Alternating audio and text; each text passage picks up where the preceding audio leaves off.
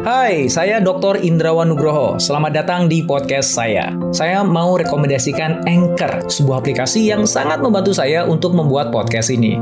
Layanan Anchor itu gratis dan kamu bisa download di App Store atau Play Store atau bisa juga diakses di websitenya www.anchor.fm. Yuk, mangga dicoba.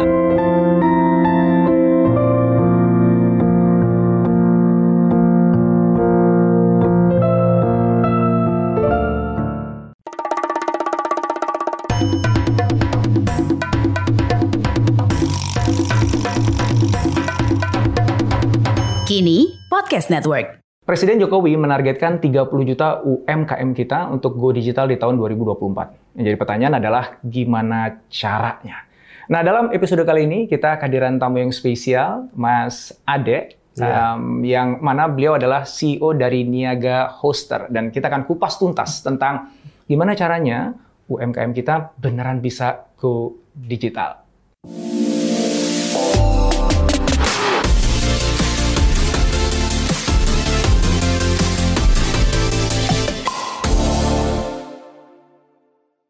Mas Ade, makasih. Halo. Ya, kesediaan untuk hadir di sini. Um, sebelum kita mengulas tentang UKM kita yang go digital, Mas, boleh cerita dulu dong tentang Niaga Hoster itu apa? Ya, Niaga Hoster sendiri itu sebenarnya adalah uh, bisnis uh, penyedia solusi online gitu ya. Mhm. Nah, kita uh, memiliki jasa pembuatan website Mhm. dan juga kita memberikan uh, penyewaan server seperti web hosting. Mhm. Nah, jadi itu sebenarnya bisnis utama kita seperti itu sih. Nah, itu menarik tuh. Itu ada hubungannya sangat kuat banget dengan go digital pastinya. Oke, maka kita langsung aja nih, uh, Nukik ngomongin tentang go digital. Oke. Sebelum nanti saya pasti akan uh, tanya lebih jauh tentang bagaimana Mas Ade dengan timnya di Niaga Hoster bisa bantu UMKM kita ya. Ya, Nah, ngomongin go digital. Kalau dalam pandangannya Mas Ade nih, ya. go digital tuh apa? Ya, Go Digital itu sebenarnya suatu konsep yang eh, sebenarnya dari tahun 2000-an milenial dulu tuh udah udah sering disebutkan gitu ya. Ketika pertumbuhan perkembangan komputer dan juga internet, nah itu Go Digital eh, bahasa Go Digital, Go Online itu sudah sudah mulai dicanangkan dari dari tahun 2000-an itu tadi. Hmm. Nah, tapi di Indonesia sendiri sebenarnya kita eh, bisa dibilang eh, cukup jauh terlambat sih ya. Nah, Hmm. Jadi di Indonesia sendiri kan paling juga baru beberapa tahun lalu 2016-an gitu kita eh, dari sisi pemerintah tuh juga mulai lebih mencanangkan lagi apa itu go digital, bagaimana para UMKM kita ini harus mulai go online nih, Mhm. mulai mem- men- apa eh, mendapatkan potensi sebesar-besarnya dari internet dan dan going digital ini tadi. Hmm. Nah, dan eh, kerasa banget itu ya tentunya pada saat pandemi kemarin ya. Oke. Nah, jadi di saat pandemi itu kemarin yang eh, bisa dibilang eh, para bisnis nih mulai terpaksa nih mereka untuk going digital. Nah, jadi kalau misalnya dari pengertian sendiri sih sebenarnya go digital itu eh, bagaimana para bisnis-bisnis ini tadi, para UKM tadi ini itu mulai mengadopsi teknologi digital ke dalam eh, proses bisnisnya mereka. Oke. Ya, jadi kayak misalnya seperti di uh, bisnis operation mereka yang mungkin sebelumnya itu sangat-sangat konvensional banget gitu ya, Hmm, kayak hmm. paper based, kemudian Iya, iya. beralih menjadi computer based. Oke. Uh, ke seluruh uh, operasi bisnis mereka sih bisa dibilang Hmm, seperti hmm, kayak dari sisi keuangan, catatan, Hmm, mungkin hmm. dulu sebelumnya itu pakai buku uh, ledger tuh masih masih dengan uh, apa ya, masih dengan uh, dengan buku-buku besar itu tadi Hmm, gitu ya, hmm, tapi pada akhirnya sekarang ini mulai diadopsi juga dengan uh, penggunaan komputer. Oke. Nah, dan uh, berikutnya lagi tuh bagaimana mereka bisa juga mulai uh, menyajikan produknya. Nah, misalnya kita lihat sendiri nih saat ini untuk uh, melihat menu aja itu udah nggak Iya, pakai iya. menu lagi Iya, ya. betul. Kita udah di restoran udah Nah, QR code ya. pada nge-scan QR code. Iya, nah, itu juga iya. salah satu sebenarnya wujud Go Digital tadi ya. Oke. Nah, dan kemudian uh, potensi terbesar lagi dari Go Digital ini tadi tentunya dengan uh, pemasaran ya, Hmm, dengan digital hmm. marketing. Hmm. Nah, jadi emang digital marketing, marketing ini memang salah satu yang evolusinya itu terjadi paling besar uh, selama era uh, Go Digital ini tadi gitu. Oke. Jadi kayak yang sebelumnya mungkin uh, periklanan ataupun juga metode-metode orang dalam memasarkan itu masih sangat-sangat tradisional banget kayak dengan brosur dengan segala Hmm, macam itu hmm. memang masih dilakukan. Kita melihat Hmm, sendiri itu hmm. masih ada dilakukan Hmm, gitu ya. hmm.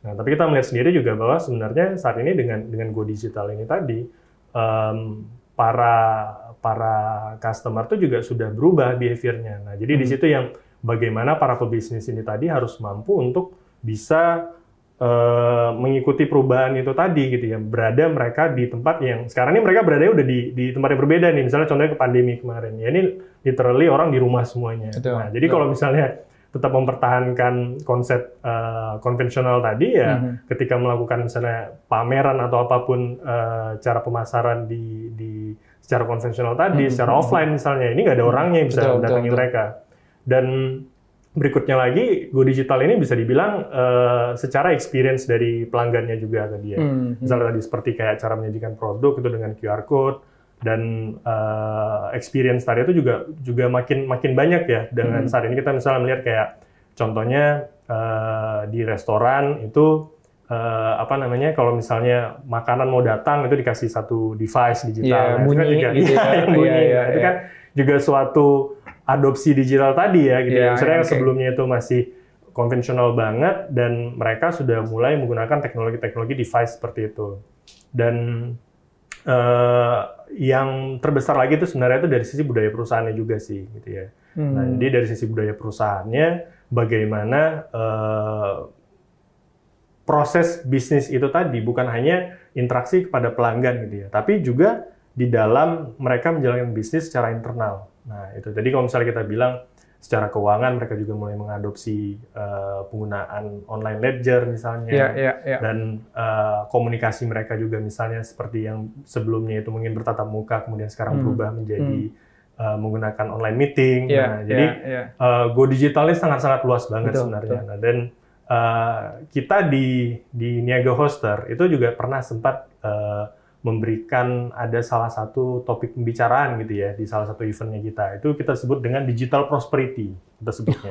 Digital prosperity. digital prosperity. prosperity itu apa? Berarti um, Em, ke- apa? uh, ke- kesejahteraan? Betul, betul, sejahtera. Kesejahteraan digital. Nah, jadi Oke. ibaratnya adalah em, jika adopsi dari digital ini tadi itu dilakukan dengan sebaik mungkin, pem- pemilihannya, eh, pemilihan toolsnya, dan Hmm. juga bagaimana mereka sudah benar-benar mengembed semua tech, tech savvy ini tadi ke dalam bisnis perusahaan mereka, itu eh, akan tercapai digital savvy ini tadi. Gitu ya. Hmm. Ah, sorry, akan tercapai Prosperity. digital prosperity ini tadi. Gitu ya. Oke. Jadi digital prosperity ini adalah eh, misalnya contohnya kayak em, ya untuk secara komunikasi paling efisien itu mungkin menggunakan eh, chat messenger misalnya Hmm, seperti itu. hmm. Dan juga kemudian kalau misalnya ketika semua sebenarnya manfaat terbesar dari adopsi digital tadi ini kan juga salah satu adalah efisiensi waktu gitu ya. Oke. Nah, efisiensi waktu bagaimana banyak pekerjaan itu menjadi jauh lebih mudah Mhm. jauh eh, ketika mereka tuh bisa meng- mengefisienkan waktu dan kita tahu sendiri bahwa ya waktu ini adalah satu resource yang yang yang sangat-sangat berharga di dalam Iya, bisnis iya, gitu ya. Iya. Nah, jadi ketika mereka tuh sudah mulai mengadopsi digital dengan sebaik-baiknya eh, menggunakan eh, teknologi-teknologi tadi, tools-tools yang tepat eh, bagi setiap proses-proses bisnisnya mereka, inilah yang bisa tercapainya digital prosperity ini tadi. Nice. Dirinya nggak mau ribet lah gitu ya, Iya, karena tujuan dari online tadi ini juga go digital tadi ini adalah sebenarnya tujuannya memudahkan. gitu ya. Hmm, hmm, Penggunaan komputer, big data, semuanya Mhm. itu tadi kan Mhm. sebenarnya tuh tujuannya untuk mengefisienkan, gitu ya. Iya, computing, Iya. Membantu untuk eh, mempercepat suatu proses. Nah, Iya. Jadi inilah yang kita sebut dengan digital prosperity. Keren. ya. yang digital yang ngebuat semua orang ikutan sejahtera. Betul, Wah, betul, betul, mantap. betul. Jadi tujuannya itu bukan hanya mengikuti tren atau apa pun Hmm, ya, tapi hmm. tujuan digital prosper eh, eh, Go digital go itu? digital ini tadi itu adalah untuk mencapai digital prosperity itu Nice, tadi. nice. Nah, um, ini menarik ya teman-teman semuanya ya, karena kalau kita bicara uh, go digital ya, yang banyak dikumandangkan oleh um, uh, pemerintah kita dan juga teman-teman yang terlibat di sana itu kan seolah-olah itu yang kita tangkap itu adalah kalau go digital itu ya aspek pemasaran aja tadi ya. Betul, Uh, betul. digital betul, marketing itu malah udah canggih itu. Bahkan sesederhana kayak punya toko di marketplace, Benar. sederhana menggunakan media sosial bahwa memang mulainya dari situ kan nggak apa-apa kan. Benar. Karena kan benar. untuk menguasai digital marketing kan nggak mudah, Benar, apalagi benar. sampai ngebuat back end-nya dibuat supaya uh, prosesnya lebih Betul, lebih betul. digital itu mungkin agak susah. Betul. Maka banyak orang nggak apa-apa kalau UMKM kita mulainya dari uh, manfaatkan media sosial dulu, kemudian juga marketplace. Tapi ultimately ketika kita bicara go digital nih, yang menarik teman-teman semuanya adalah jangan berhenti di situ maksudnya. kan? Benar, benar. Bagi teman-teman yang udah biasa main di marketplace Benar. atau di media sosial, tarik lagi dong, kembangin lagi dong. Benar. Banyak ruang-ruang yang bisa didigitalkan Benar. dalam rangka mendapatkan digital prosperity tadi. nah itu itu kita pengen pengen gali lebih dalam di situ tuh ya. Iya. iya. Um, yang satu tadi yang aku aku aku tangkap tadi yang Mas Adi bilang tadi itu menarik ya bahwa pandemi ini mengubah perilaku orang, Ya. gitu ya. Bahkan kalau kita bicara perilaku terkait dengan adopsi digital teknologi itu ternyata juga riset dari McKinsey kan mengatakan ada akselerasi besar-besaran tuh. Di Asia Pasifik itu akselerasinya 4 tahun. Jadi yang harusnya itu kejadiannya nanti di tahun 2025 Dipercepat. ya. udah udah di 2021 tuh udah kejadian Iya, iya, gitu. iya, iya. Ya, bahkan kalau dari risetnya digital product ya dan eh, semi digital product ya atau partially digital product itu harusnya 10 tahun lagi baru ada. Benar. Benar. 2030 tuh baru ada. Benar. Tapi sekarang 2021 tuh banyak perusahaan udah menawarkan itu. Jadi Iya. eh, artinya memang kalau kita bicara go digital, kalau sebelum pandemi mungkin itu sebagai sesuatu yang nice to have lah ya. Betul, betul. Kalau sekarang kayaknya nggak punya pilihan Terpaksa. ya. Udah dipaksa. Lu kalau nggak going digital Iya, ya selesai iya, lo iya. bisnisnya gitu Benar, ya. benar, benar. Gitu. Nah, eh, dalam pengalaman Mas sendiri nih, eh, sebagai eh, CEO eh, di perusahaan yang memang nelatinin para UKM. Kan ya Gauser tuh Iya. customer-nya lebih banyak UKM ya Benar, benar, benar. pasti itu kan banyak banget gitu. Uh, pasti Mas juga ngelihat uh, berjibakunya mereka untuk going digital itu seperti apa gitu Iya, ya. Um, apa sih Mas sebenarnya yang menjadi penghambat mereka Um, sehingga mereka itu kesulitan untuk go digital tadi? Ya. Jadi kalau misalnya saya mau mau eh, bahas sedikit tadi tentang eh, progres go digital tadi ya. Hmm. Sebenarnya go digital tadi ini suatu hal yang tidak terbendung sebenarnya. Mhm. Dan pandemi ini hanyalah katalisatornya aja bisa dibilang ini yang memaksa mempercepat semua Mm-mm. prosesnya itu Mm-mm. tadi gitu ya. Nah, eh, kalau misalnya kita cerita tentang penghambatan itu tadi tentunya yang pertama itu adalah ya pastinya biaya. Nah, itu pasti nomor satu gitu Oke. ya. Karena bagaimanapun misalnya dalam arti mengakses internet aja itu kan juga butuh biaya gitu ya. Mm-mm. Maksudnya itu yang bagaimana kayak di uh, level UMKM itu pastikan juga akses mereka terhadap biaya itu tadi itu juga berbagai macam gitu tadi ya. Nah, jadi kalau misalnya kita cerita contohnya misalnya di India, Mhm. di India. India itu juga dulu itu kondisinya kurang lebih mirip sama kita. Tapi eh, ketika mereka itu ada salah satu provider internet yang mulai memberikan data akses eh, internet itu sangat murah, di situ yang sangat eh, akselerasi dari go digital mereka itu juga transformasi Oh, digital itu oke, juga eh, Oke. melesat tinggi Oke. gitu ya. Karena Oke. ibaratnya dalam arti akses internet murah dan cepat ini tadi itu bukan hanya untuk hal-hal entertainment aja sebenarnya. Mhm. Tapi itu adalah semua yang dibutuhkan bagi percepatan progres dari transformasi digital ini tadi gitu ya. Mhm. Karena pada akhirnya orang yang mengkonsumsi yang entertainment itu tadi juga itu pada akhirnya itu juga mereka tuh pada akhirnya akan fasih dalam eh, seluruh interaksi di dalam dunia digital itu tadi. Nah, Mhm. Mereka akan mulai lebih banyak bertransaksi juga secara Mhm. online. Mhm. Mhm. Nah, di situ kan jadi adopsi terhadap transaction online itu tadi itu juga jadi akan eh, semakin semakin eh, besar, makin Mm-mm. makin Mm-mm. berkembang gitu ya. Mm-mm. Nah, jadi itu kenapa kayak kalau bisa dibilang saat ini memang salah satu bisnis yang booming untuk membantu progres tadi itu juga akses terhadap permodalan-permodalan itu tadi gitu ya. Kita Mm-mm. lihat sendirilah saat ini juga Mhm. banyak bisnis-bisnis yang sifatnya itu untuk membantu uh, permodalan uh, akses dari si uh, untuk mendapatkan modal resource yang lebih besar untuk bisa transformasi digital itu juga menjadi salah satu bisnis menjanjikan di Indonesia. Mhm. Dan yang kedua tentunya hambatan terbesar itu lagi adalah sebenarnya dari sisi mindset. Nah, Mhm. jadi mindset dari si bisnisnya sendiri nih, gitu ya.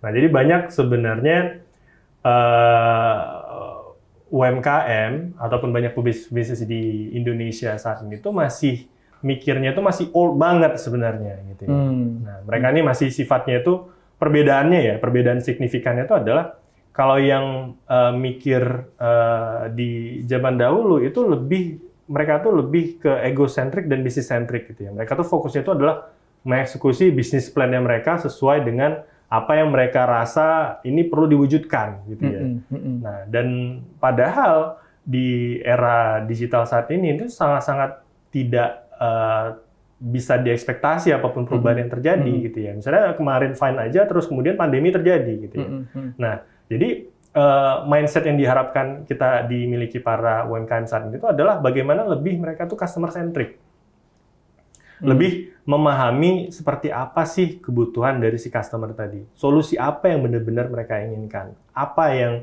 uh, uh, tepat bagi mereka gitu ya. Dari dari berbagai macam sisi gitu ya, dari sisi fitur, layanan, harga segala macam. Nah, jadi di situlah uh, perubahan mindset dari business centric menjadi customer centric ini yang harus uh, perlu dimiliki para UMKM uh, sebagai bagian mereka itu untuk bisa progressing di dalam dunia digital ini tadi. Hmm, hmm. Karena posisi bargaining customer saat itu jauh-jauh lebih tinggi dibandingkan bisnis. iya, iya, iya, iya. Kalau kita merasa kita yang paling benar, paling apa, nggak akan pernah menang ini bisnisnya okay. gitu ya. Okay. Jadi karena customer ini tadi, karena juga misalnya uh, diadopsi uh, behavior uh, user yang juga seperti sangat-sangat uh, apa namanya familiar sekali dengan dengan sosial media gitu ya. Mm -hmm. Viralitas marketing itu sangat-sangat mudah sekali gitu ya. Jadi mm -hmm. kayak bisnis itu bisa kalau nggak bisa menjaga reputasinya mereka dalam satu waktu tuh bisa habis mereka yeah, berapa yeah. tahun pun mereka udah ada berada di dalam industri tersebut itu tadi. Yeah, nah yeah. jadi kayak um, di situlah pentingnya mereka tuh untuk bisa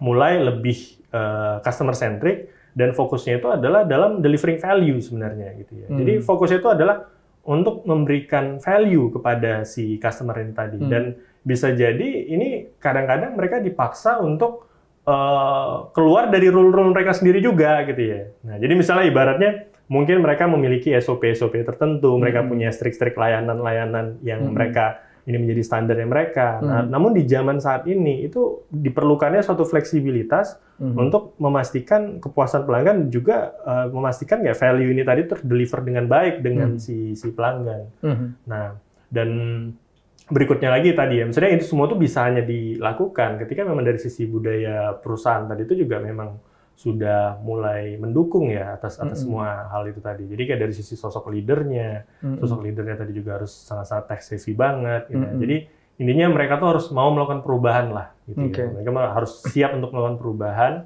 dan uh, keunggulan terbesar sebenarnya dari digital uh, transformation ini tadi uh, teknologi digital itu adalah juga uh, bagaimana akses untuk data gitu ya. Jadi banyak hal tuh sangat-sangat terukur dengan menggunakan platform-platform digital, teknologi-teknologi digital hmm, tadi. Hmm, hmm. Nah, jadi di sini yang uh, ketika data itu jelas, data itu transparan, maka dalam pengambilan keputusan uh, dalam bisnis itu akan sangat-sangat mudah sekali ya. Nah, jadi dalam arti um, mereka itu akan mudah, misalnya contohnya dalam sisi website gitu ya. Website itu mudah banget untuk melihat dari mana pengunjung-pengunjung uh, ini berasal dari kota mana misalnya. Dan juga ini uh, demografinya itu seperti apa. Hmm, hmm. Nah dari sini kan mereka akhirnya bisa memfokuskan uh, marketing mereka ke kota-kota uh, tertentu, kepada demografi tertentu gitu ya. Hmm. Nah jadi um, ya ini hal-hal yang bisa dilakukan uh, dalam uh, kita melihat sendiri sebenarnya udah banyak juga ya usaha untuk uh, uh, proses apa namanya uh, dalam hambatan untuk UMKM digital yang tadi kebijakan-kebijakan pemerintah seperti tadi uh, aja saya dengar tuh ada yang namanya uh, program uh, BBI ya dari pemerintah ya bagaimana kayak uh, uh, dan dan juga uh, adopsi dari e-payment di di Indonesia itu juga semakin tinggi itu akan sangat-sangat uh, mempermudah dari adopsi digital tadi. Hmm. Oke, ini ini saya satu pertanyaan tapi dapat dua jawaban sebenarnya. Jadi uh, selain dapat jawaban terkait dengan pertanyaan apa yang menghambat proses go digital, yeah. saya juga dapat jawaban tentang apa sih manfaatnya kalau mereka going digital. Ya. Yeah. Jadi thank you. Uh, yeah. Saya mau balik lagi ke ke uh, kendala tadi. Um, karena ini menarik banget ya teman-teman ya dari diskusi kita ini kayaknya nih sebenarnya nih obrolan kita ini bukan hanya untuk teman-teman UMKM nih. Ini betul, di korporasi betul, juga betul, sebenarnya betul, masih betul, punya challenge yang betul, sama gitu. Betul, masih banyak juga leader bahkan di level korporasi itu tuh mm -hmm. yang masih uh, cukup resisten. Gitu yeah, ya, yeah. Cukup resisten. Yeah. Mungkin kalau dari sisi pendanaan tadi ya itu mungkin masih jadi isu untuk UMKM, tapi korporasi nggak jadi isu. Nah benar. Ya. Tapi yang... kalau urusan mindset, Iya karena nggak mudah ya ngubah um, analog mindset menjadi digital mindset. Yang tadi disebut dengan customer centricity, Kemudian juga kita harus punya uh, data driven ya, kita harus punya data uh, yang bisa kita agregat ya, kita kita kumpulin sebanyak mungkin dari banyak sumber sehingga kita bisa analyze. Itu kan digital mindset sebenarnya. Benar, benar. So kalau kita bicara going digital sebenarnya kita nggak hanya cuma bicara going online sebenarnya. Yeah. Juga nggak cuma sekedar mengadopsi teknologi terkini ya, tetapi yeah. justru harus modalnya tuh mindset digitalnya ini dapat dulu nih iya. teman-teman yeah. nih gitu ya. Yeah. Yeah. Nah, gimana dengan capability-nya, uh, Mas Ade? Kan tadi kan pendanaan satu, yang kedua adalah mindset. Kalau capability-nya, kemampuan teman-teman khususnya ya kalau sekarang kita lagi ngomongin UKM ya, uh, capability teman-teman UKM dalam mengadopsi digital itu, hmm. itu sejauh mana itu jadi isu? Ya, kalau misalnya kita cerita tentang wujudnya sebenarnya apa sih gitu ya? Wujud dari Go Digital ini tadi itu hmm. sebenarnya apa sih gitu ya? Hai, sebelum kita lanjut podcastnya, kamu sudah pernah dengar Anchor kan? Anchor adalah all-in-one podcast editing platform yang saya gunakan untuk rekaman, edit suara, tambah lagu, dan semua hal dalam pembuatan podcast yang sedang kamu dengerin ini. Anchor bisa membantu kamu bikin podcast kamu sendiri loh. Caranya gampang, tinggal download dari App Store atau Play Store, atau bisa juga diakses di www.anchor.fm. Download Anchor sekarang ya. Tentunya yang pertama adalah uh, implementasi dari teknologi digital tadi tentunya. Hmm. Gitu ya. Bagaimana hmm. mereka mulai menggunakan tools-tools uh, digital itu tadi ke uh, bisnisnya mereka gitu ya. Nah, tapi kalau misalnya saya juga sedikit tadi uh, apa yang dokter sampaikan, um, implementasi ini tadi itu juga sesuai dengan kapasitas bisnisnya gitu ya. Jadi kita nggak bisa memaksakan mereka itu harus langsung punya sesuatu, mereka tuh harus semua langsung punya website misalnya gitu. Enggak, itu tuh pasti mengikuti dari kapasitas dari bisnisnya mereka. Kita cerita tentang mikro, pasti akan berbeda dengan uh, level uh, kecil, beda juga dengan level menengah gitu ya. Nah, jadi pertama adalah tadi mindsetnya, bagaimana mindset mereka tuh bisa mulai uh, bisa untuk mau mulai uh, mencoba untuk implementasi ini tadi dan uh, kemudian mengikuti dari sesuai dengan kapasitas mereka gitu ya. Misalnya mulai dari yang sederhana banget gitu ya. Bahkan misalnya kalau mereka uh, sebatas WhatsApp ataupun seperti chat messenger aja, itu sudah bisa digunakan untuk uh, media marketing juga sebenarnya gitu ya. Nah itu kan itu level paling rendah di di di, di level bisnis yang paling rendah gitu ya. Nah jadi um, itu kenapa uh, sesuai kapasitas tadi, kalau misalnya ketika mereka sudah mulai mendapatkan traksi dari bisnisnya, mereka sudah mulai berkembang dari sisi bisnisnya, di sini yang mereka juga pasti akan memiliki kemampuan yang lebih besar lagi untuk mengadopsi teknologi digital yang yang lebih besar gitu ya. Jadi kayak uh, saat ini yang free-free ya tentunya dengan sosial media dan kemudian tahapan berikutnya itu mungkin mereka uh, mereka akan mulai menggunakan marketplace gitu ya. Dan pada akhirnya itu mereka juga bisa mulai memiliki uh, website dan hmm. dan uh, ataupun juga mulai bisa mendeploy uh, sistem aplikasi yang lebih rumit lagi bagi kebutuhan dari business operation yang mereka. Nah, jadi hmm uh, di situ yang bagaimana uh, mindset leader ini tadi itu sangat-sangat dibutuhkan untuk lebih uh, digital savvy ya. Uh, jadi benar-benar harus mampu untuk bisa uh, terus berinovasi dalam dalam menjalankan bisnisnya. Nah, jadi bagaimana mereka itu bisa uh, berusaha berpikir uh, strategi apa, adopsi teknologi apa itu yang mungkin akan bisa membantu eh, masalah-masalah dalam uh, seluruh bisnis prosesnya mereka, dalam sisi operasional mereka. Misalnya contoh dalam marketing kayak channel apa lagi nih yang rasanya bisa kita maksimalkan potensinya gitu ya.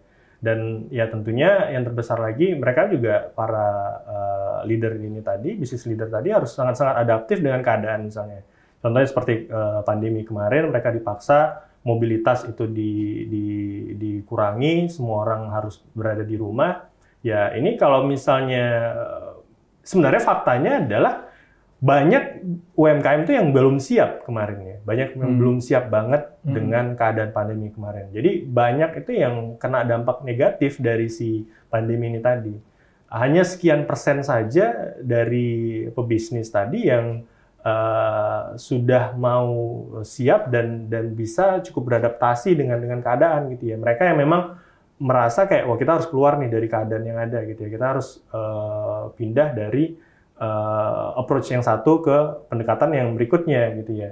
Nah, jadi uh, berikutnya lagi nih si business leader ini saya yakin itu harusnya juga uh, mem memotivasi uh, untuk upgrade skill dari dari seluruh karyawannya terhadap skill-skill digital ini tadi gitu ya. Karena kayak ini nggak bisa tanpa adanya uh, bantuan dan motivasi bagaimana mereka untuk uh, mendevelop para para karyawan dan dan dan anggota timnya untuk bisa juga siap mengadopsi digital transformation ini tadi. Banyak tuh yang keadaannya juga seperti itu gitu ya. Jadi kayak niatnya udah mau digital savvy, mau digital transformation, tapi ya timnya belum ada yang siap gitu ya, dan dan kurang difasilitasi juga.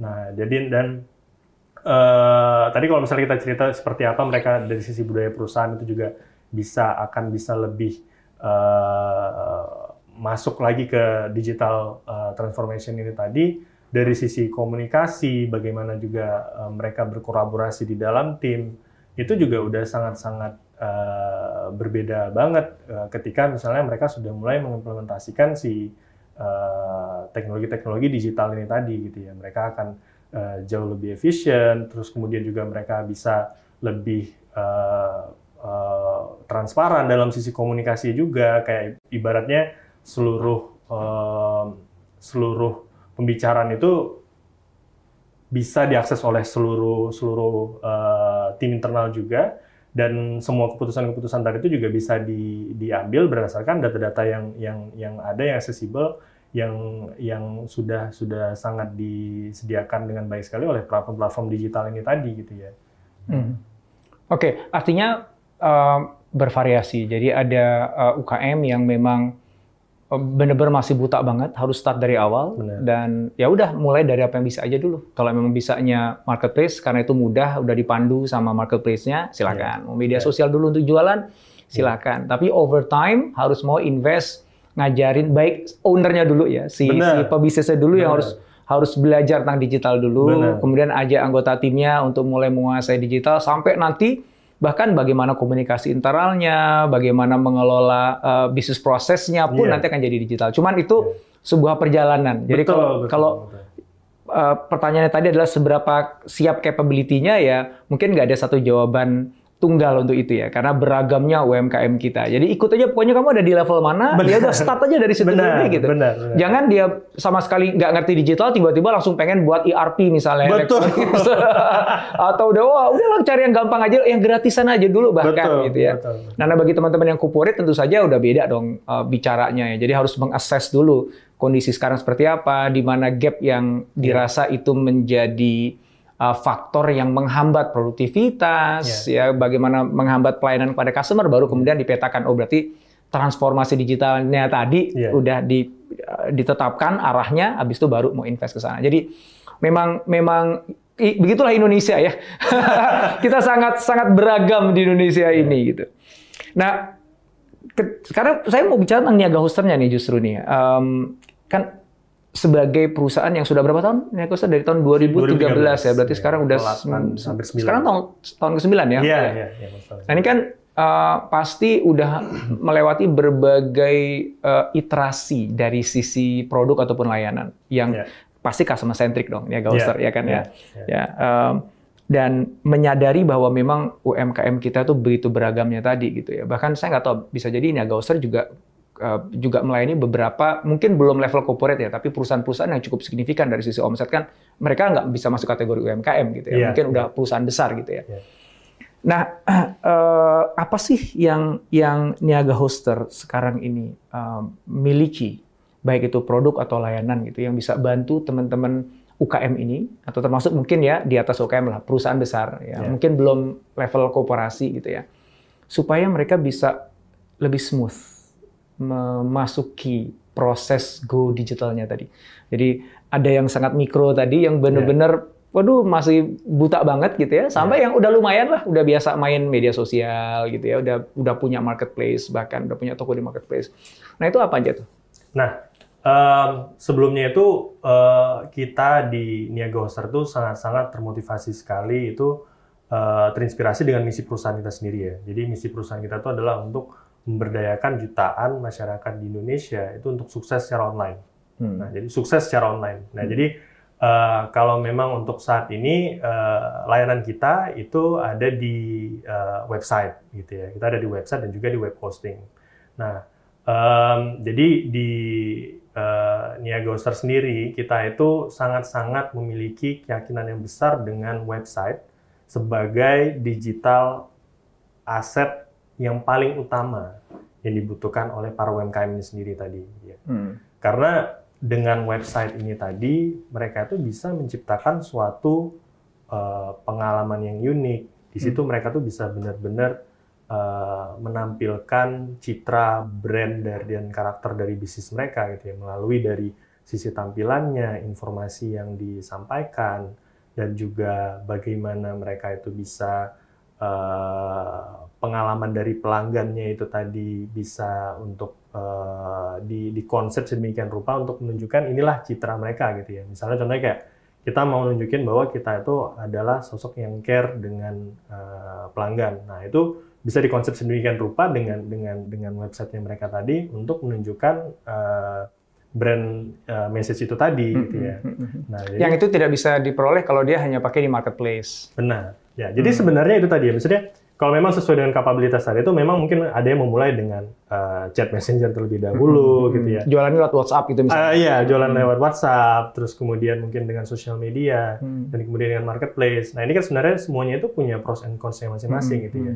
Misalnya ibaratnya kayak sosial media ketika kamu punya ribuan produk itu akan sangat sulit sekali untuk hmm. bisa menciptakan uh, uh, apa namanya uh, pengalaman user yang baik bagi mereka untuk bisa memilih produk yang yang sesuai dengan uh, kebutuhan mereka gitu ya. Hmm. Sosial media itu baik sekali itu untuk menunjukkan uh, awareness untuk hmm. memberikan impresi hmm. dari brandnya, hmm. tapi bukan untuk dalam data transaksi misalnya. Hmm. Hmm. Gitu juga dengan marketplace misalnya. Kita lihat sendiri kayak marketplace itu kan udah sangat sangat custom sekali gitu ya. hmm. ya. Dari sisi pengalaman dari sisi uh, user experience-nya juga yang ikut dengan si platformnya itu hmm. tadi gitu ya. Dan pada akhirnya apa? Persaingan di marketplace ini tuh lebih kepada persaingan harga, yeah, lebih kepada yeah, yeah, persaingan betul, betul. Uh, umumnya persaingan harga sih pada yeah, akhirnya. Karena uniqueness-nya hilang dari betul. dari uh, perusahaan itu atau produknya ya. Iya, yeah, hmm. yeah.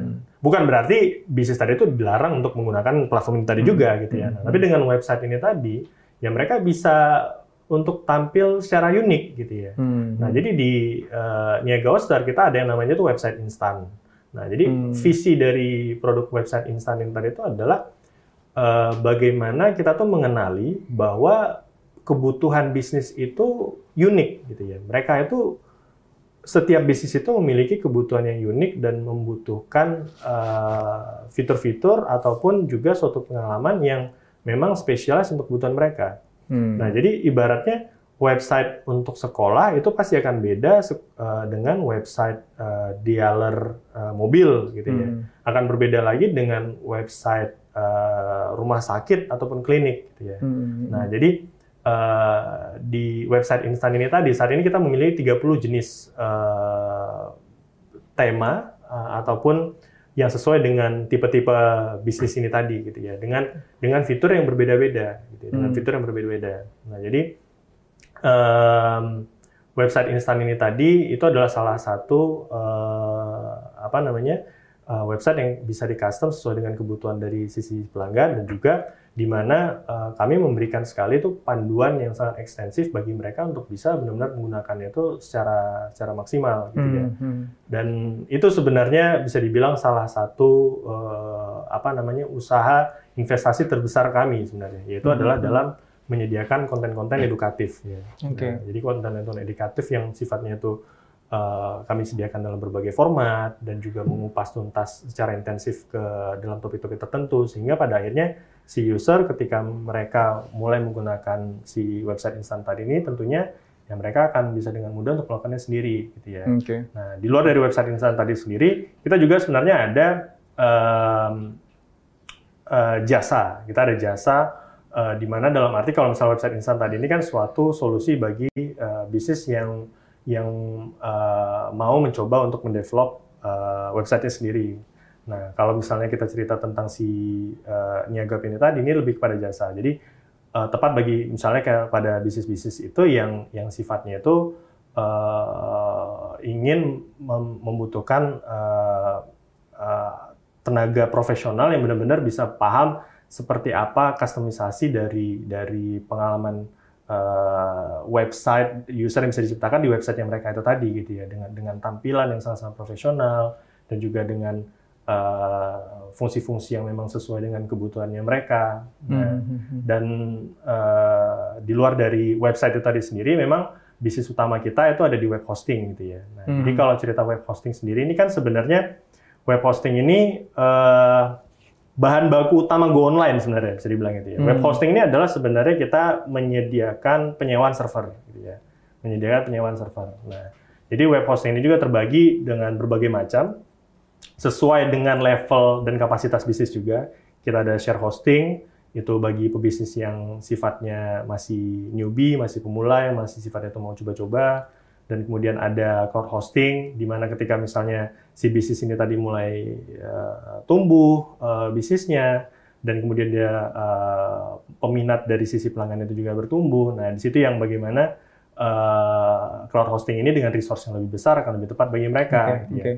Dan untuk uh, bisnis yang udah lebih berkembang lagi, di mana mereka mungkin membutuhkan uh, deploy dari sistem sistemnya mereka, gitu ya, Mhm. sistem ERP atau sistem Mhm. apa pun itulah, gitu ya. Uh, kita juga ada VPS hostingnya di situ. Nah, jadi uh, kami menyediakan uh, layanan uh, hosting maupun website itu juga dengan sesuai dengan uh, kapabilitas dari si, si, si kliennya, si UMKM-nya, iya iya. Oke. Eh, intinya adalah eh, di mana pun posisi si UKM-nya tadi, apakah benar-benar newbie banget atau dia sudah cukup advance Iya, dan dia Ghoster bisa support gitu ya. iya. Pertanyaan terakhir mas, Em, apa nih sebagai em, awalnya dulu pasti ya startup juga masuk kategori kan UKM ya. Betul. Tapi kemudian selama 9 tahun udah tumbuh berkembang luar biasa sekali ini sekarang ini Ghoster itu. Apa eh, nasihat atau saran dari Mas Ade kepada teman-teman yang yang menyaksikan ini ketika mereka ingin go digital? Oke. Iya, jadi em, tentunya tadi ya, yang pertama yang paling penting itu adalah memulai dan Hmm. juga mengubah mindset yang terbesar itu tadi gitu ya. Hmm. Nah, jadi eh, kita para UKM ini tuh akan sangat-sangat tertinggal jika mereka terlambat untuk eh, melakukan adopsi dari digital transformation tadi. Kita Mhm. sudah melihat lah, misalnya kayak efek pandemi kemarin, bagaimana mereka yang terlambat Hmm. itu eh, membuat eh, banyak bisnis tuh yang suffer gitu ya. Hmm. Hmm. Yang mungkin ibaratnya apa ya? Misalnya mereka pernah mendengar-mendengar nih dengan kayak eh, go digital, go digital, tapi mungkin selama ini tuh me- Abaikan. mengabaikan ya. Tapi ketika momennya ada, nah di situ mereka sudah cukup tertinggal. Nah jadi eh, yang paling penting itu adalah bagi UMKM ketika mereka sudah siap untuk eh, go digital, itu penting sekali bagi mereka itu untuk berada di semua channel yang ada. Gitu ya. Hmm. Berada untuk berada di semua channel yang ada. Oke. Nah, dan maksud saya di sini itu banyak sekali sebenarnya itu channel-channel itu yang membutuhkan uh, investasi yang rendah gitu ya. Misalnya banyak sekali kayak seperti sosial media, uh, terus kemudian listing-listing seperti di di Maps di Google bahkan listing yang seperti itu ya Google My Business gitu. Nah, jadi um, mereka itu perlu berada di semua channel-channel itu tadi karena uh, kita melihat behavior user yang sudah berubah saat ini gitu ya kita melihat behavior user yang sangat berubah pertama sedikit sekali itu user yang beli langsung beli gitu ya beli lihat produk langsung beli gitu ya nah itu pastinya mereka saat ini mereka jauh-jauh lebih smart dan lebih kritis Hmm. mereka melakukan perbandingan-perbandingan itu tadi Hmm. Hmm. Nah, dan kita nggak pernah tahu di poin mana eh, mereka itu bisa menemukan kita.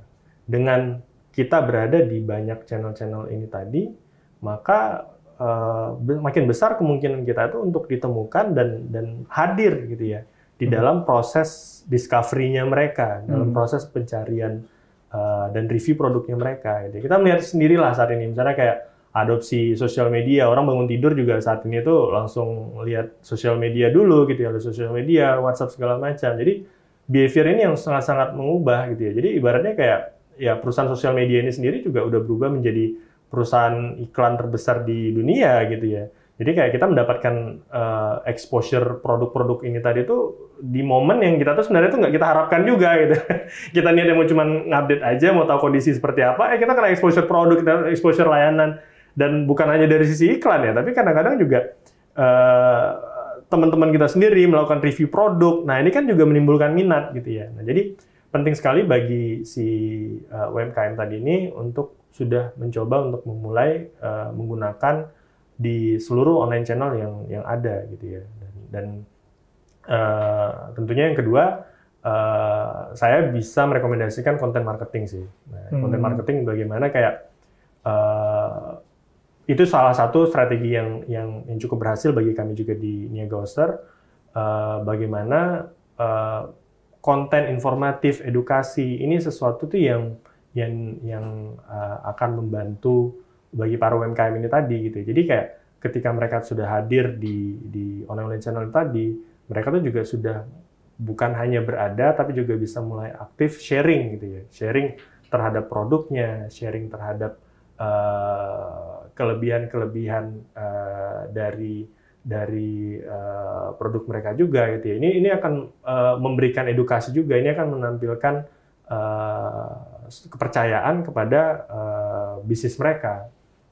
Nah, dan tentunya tadi saya sampaikan juga kayak fokus ke customer centric dan juga fokus dalam delivering value karena uh, dengan fokus dalam delivering value ini tadi di era informasi dan sosial media saat ini itu ya viralitas marketing itu yang sangat-sangat mudah untuk men melesatkan pertumbuhan dari bisnis gitu ya. Jadi ketika hal-hal yang sederhana aja ya kita lihat sendirilah mungkin kemarin ada yang jualan apa tuh yang roti itu dalam seketika dia bisa langsung uh, viral sebesar itu gitu ya. Nah, dan itu kan karena mereka juga sudah mulai dia sudah mulai menggunakan sosial media misalnya. Nah, jadi uh, penting sekali bagi bagi para UMKM ini untuk uh, langsung untuk memulai dan mencoba untuk berada di seluruh online channel yang yang yang yang mereka mampu sesuai dengan kapabilitas mereka.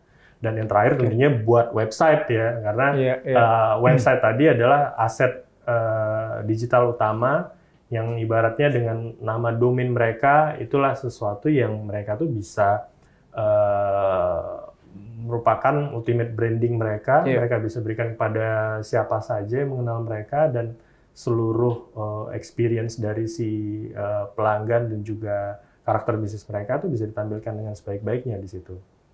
Oke, okay, thank you banget Mas Ade uh, untuk sharingnya, ilmu dan pengalamannya, manfaat banget untuk kita semuanya. Thank you, terima kasih. Terima kasih.